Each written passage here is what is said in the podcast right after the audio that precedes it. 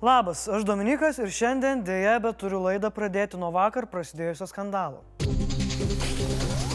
Seimo nario, kuriam prokuratūra pradėjo iki teisminį tyrimą dėl galimo nepilnamečių seksualinio prievartavimo, Kristijono Bartoševičiaus nemalonumai tęsiasi. Dar šiandien ryte jis kešė rankomis ir sakė, kad su juo vis dar nebandė susisiekti teisės saugą. Gal dėl to, kad ryte jis dar turėjo Seimo nario neliečiamybę ir oficialiai negalėjo tapti tariamuoju. Po pietų situacija pasikeitė. Vyriausioji rinkimų komisija tenkino Bartoševičiaus penktadienį atsiųstą prašymą ir padarė jį paprastu mirtinguoju. O tai reiškia, kad pagal konstituciją Kristijonas jau nebėra neliečiamas ir be Seimo sutikimo gali būti traukiamas baudžiamon atsakomybėn. Vadinasi, prokuratūra, jei norės, jį galės padaryti įtariamuoju byloje dėl nepilnamečių prievartavimo. Sprendimas priimtas vienbalsiai. Seimo nario mandato galima atsisakyti nenurodant motyvų, o buvęs Seimo narys yra minėjęs, kad... Dėl asmenio aplinkybių. Taigi, į tas aplinkybės niekas ir nesigilino. Šio skandalo fone net pasigirdo kalbų keisti konstituciją. Kitaip tariant, panaikinti Seimo nario neliečiamybę. Pasak buvusio konstitucinio teismo pirmininko Dainiaus Žalimo, tokia nuostata paprastai taikoma pereinamuoju laikotarpiu į demokratiją, pavyzdžiui, Ukrainoje. Jam antrina konservatorius Tasys Šedbaras, kurio nuomonė nuostata yra atgyvenusi. Bet va kitas konservatorių frakcijos narys Linas Slušnys ragina neskubėti viešai teisti kolegos. Pasak konservatoriaus, neretai tokie kaltinimai iš tikrųjų pasirodo esantis artimųjų kerštas. Jis teigia, kad kasmet Lietuvoje yra pradedama 300 tyrimų dėl seksualinio pobūdžio nusikaltimų ir tik apie 30 pasiekia teismą. Nuteisiama vos apie 10 žmonių. Apie kaltinimus Bartoševičiui pasisakė ir premjerė. Aš negaliu įsivaizduoti tokios situacijos, kada kas nors ką nors žinojo ir slėpė. Aš pati niekada, ir tą galiu pasakyti nuoširdžiai ir labai su visa atsakomybė, niekada nei elgesyje, nei kažkokiam, na, kažkokiam bendravime, nei kažkokiuose bendruose darbuose nesu pastebėjusi jokio kažkokio elgesio, kuris man keltų klausimų. Jis sakė, pasitikinti institucijomis ir tikinti, kad suaugę žmonės patys turi prisimti atsakomybę. Kitaip tariant, nereikia čia spekuliuoti, o tiesiog kantriai palaukti institucijų tyrimo. Jei niekas jam nepaskambins, pats Kristijonas žadėjo kreiptis į prokuratūrą. Kadangi Bartoševičius į Seimą buvo išrinktas pagal Tevinės sąjungos Lietuvos krikščionių demokratų sąrašą Seimo nario mandatą VRK suteikė kitam šio sąrašo kandidatui, buvusiam krašto apsaugos viceministrui Viliui Semeškai. Truputį po truputį leopardai braunasi į Ukrainą. NATO vadovas Jensas Stoltenbergas susitiko su Vokietijos gynybos ministru Borisu Pistoriumi. Ir po susitikimo Jensas yra įsitikinęs, kad alijansas greitai ras sprendimą dėl vokiškų tankų tiekimo Ukrainai. Jis taip pat pareiškė, kad šiuo lemiamu karo momentu yra būtina aprūpinti Ukrainą sunkesnėmis ir pažangesnėmis sistemomis ir daryti tai reikia kuo greičiau. Kas dėl tankų, tai Lenkija Kaip ir sakė, nusprendė ilgai nelaukti ir išsiuntė Vokietijai oficialų prašymą reeksportuoti turimus Leopard į Ukrainą.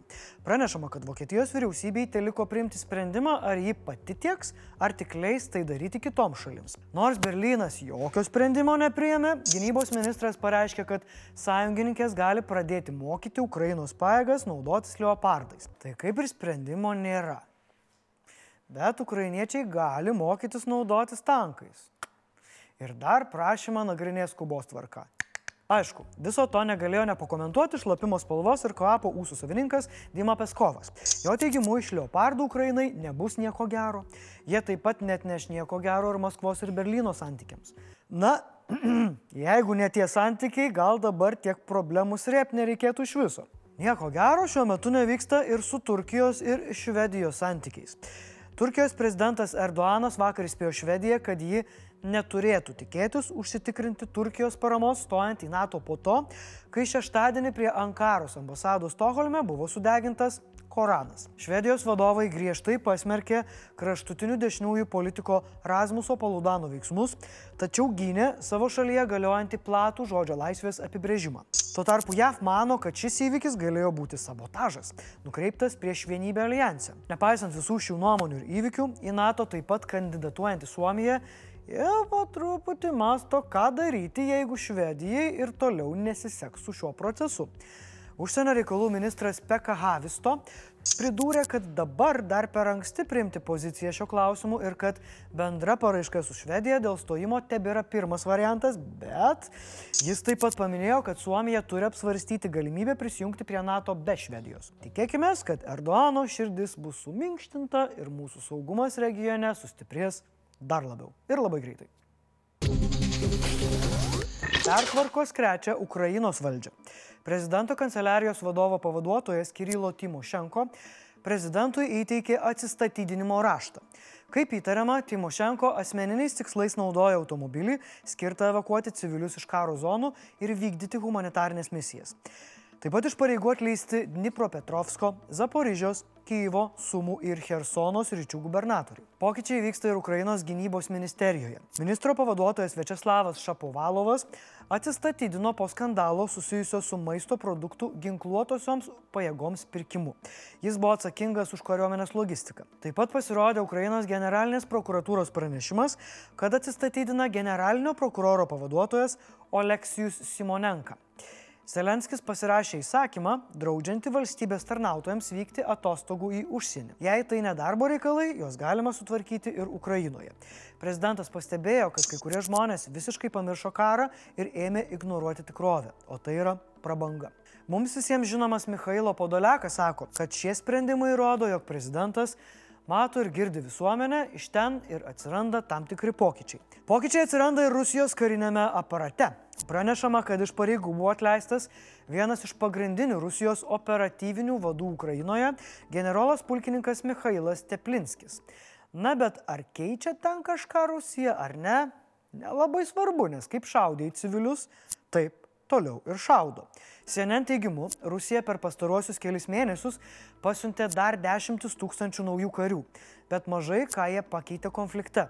Bet karinių pajėgų didinimas tik įrodo NATO vadovo Stoltenbergo žodžius.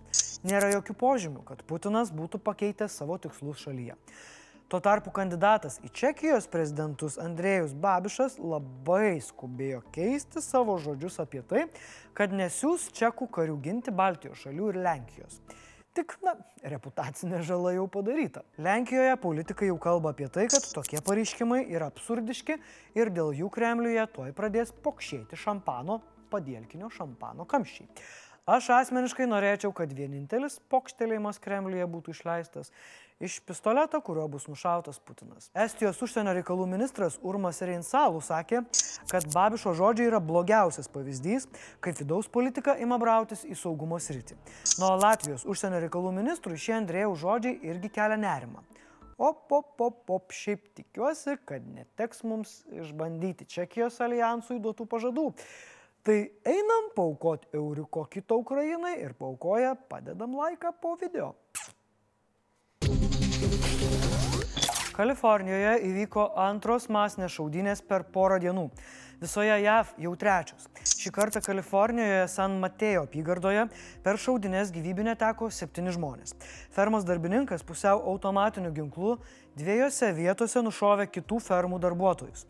Visą tai įvyko vaikų akivaizdoje. Pirmosios keturios aukos buvo aptiktos grybų fermoje, kitos trys netoliese esančioje krovinių gabenimo įmonėje. Nustatyta, kad užpolikas yra 67 metų Žao Čunly vietos gyventojas. Praėjus maždaug dviems valandoms po išpolio policijos pajėgos suėmė pasiduodantį įtariamąjį. Nusikaltelis pats atvyko į nuovadą. Trėjai nenurodė šio išpolio motyvo. Paaiškėjo daugiau detalių dėl Monterey parko žudynių. Mirė dar viena auka, todėl bendras skaičius išaugo iki 11.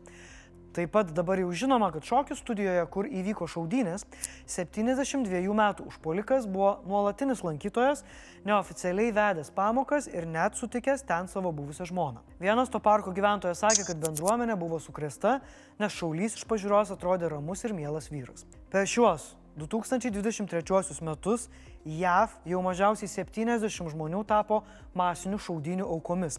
Iš viso įvykdyta bent 38 masinės šaudynės. Skaičiuojama, kad pernai įvyko 648 tokios šaudynės, iš kurių 21 buvo nužudyta 5 ir daugiau asmenų. Blitz, naujienos. Pasilgot ar kaip tik labai nepasilgot? Nesvarbu. Bet svarbu tai, kad vidaus reikalų ministerija skelbia atsisakanti siūlymo bausti už necenzūrinius žodžius ar gestus internete. Pranešama, kad atsižvelgus į kitų institucijų pastabas ir ekspertinės nuomonės, nuostatos perteklinės, o jų taikymas praktikoje gali būti komplikuotas. Nu, kaip ble, dabar visi keiktis pradės, kas tik tai nori. Svetbank blogina Lietuvos BVP prognozes. Manoma, kad šiemet ekonomika smuks 0,3 procento, o kitąmet auks 1,8 procento.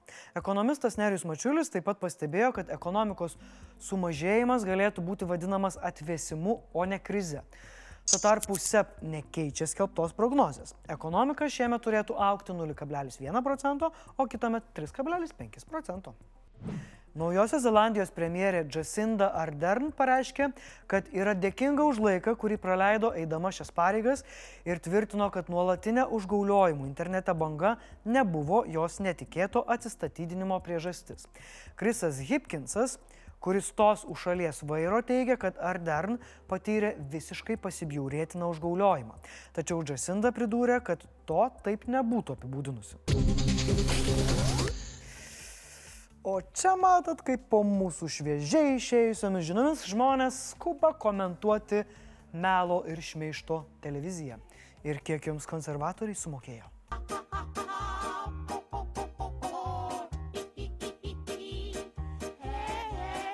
Komentarų metas. Pakalbėkim vyriškai. Vakar Edvinas Juraitis paprašė manęs padėti susirasti merginą. Nežinau, kiek daug kompetencijos turiu, nu, bet pabandom. Apie Edviną žinau nedaug. Edvinas neturi merginos nuo vakar. Edvinas palaiko Ukrainą, Edvinas domisi politika, bet to žiūri mūsų laidą, kas yra didelis pliusas. Jei kas nori užmėgs santykius, rašykit jam komentaruose. Be to, turiu jums didelį prašymą. Šiandien yra mūsų vedėjos Eglės gimtadienis. Noriu paprašyti komentaruose jai įdėti palinkėjimų bet ne kokių nors nuobodžių laimės, e, meilės, pinigų arba duok numeriuką, o tikrai originalių. Pačius fainiausius perskaitysim eteryje. Bye bye. Timūras perskaitys. Šiandien, kiek žinai?